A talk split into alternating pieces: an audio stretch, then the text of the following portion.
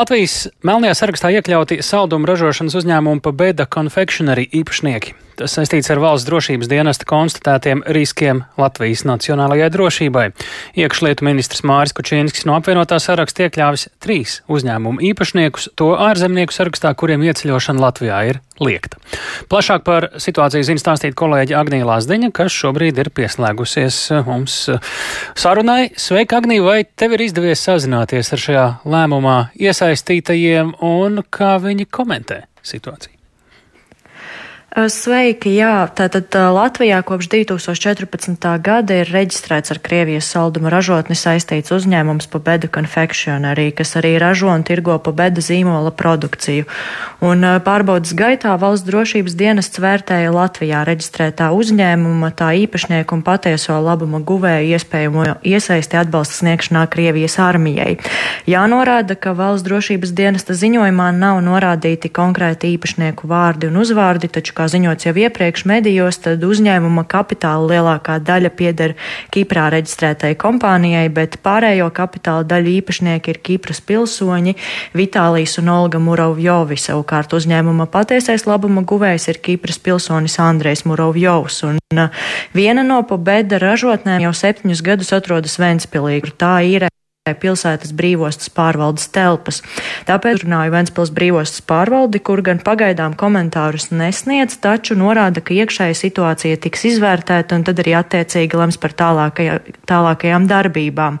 Arī Ventspils pašvaldības domas priekšsēdētāja vietnieks Aigo Gūtmanis sarunā norādīja, ka vispirms situāciju nepieciešams izvērtēt, lai saprastu, kā Ventspils pašvaldība rīkosies, un paklausīsimies viņa teikto tā situācija nav ikdienas situācija, viņa tiešām prasa tādu smalkāku analīzi, līdzināšanos un speciālistu secinājumiem un viedokļi. Tā uz piesitienes jums nevarēšu uh, apgalvot, kāda būs, uh, teiksim, rīcība saistībā pret šo uzņēmumu, jo, protams, uh, uzņēmums ir aktīvs, viņš strādā, tur ir nodarbināti ap 40 Ventspils iedzīvotāji, produkciju viņi ražo, un pagājušā gadā tur ap 3 miljoniem apgrozījums ir bijis uzņēmumā tā kā saimnieciskā darbība aktīvi tiek veikta.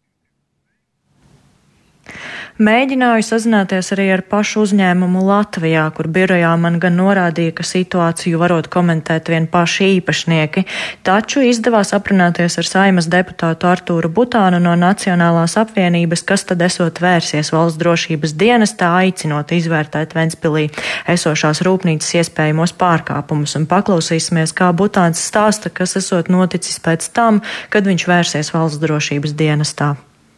Es kā saimnes deputāts vēršos pie valsts drošības dienas ar aicinājumu izvērtēt iespējamus riskus, ja es neapgalvoju, ka tādi ir. Un šie uzņēmuma vadība ir pietiekami bezkaunīga, lai noalgotu advokātu biroju un vērstos pret mani ar to, ka es izplatu nepatiesu informāciju, kaut gan paši slēpju un tātad ņem nosaukumu no ražotas fasādes un pārmet, ka es izplatot nepatiesu informāciju vai grauju uzņēmumu reputāciju faktiski netieši norāda, ka var tas nonākt līdz tiesvedībai. Atgādināšu, ka šī gada martā valsts drošības dienests uzsāka pārbaudi saistībā ar Latvijā reģistrētā uzņēmuma iespējumu iesaisti atbalsta bruņotajiem spēkiem un mācīja, ka Krievijā bazētā ražotne iespējams ir ziedojusi lielu apjomu produkcijas Krievijas bruņotajiem spēkiem.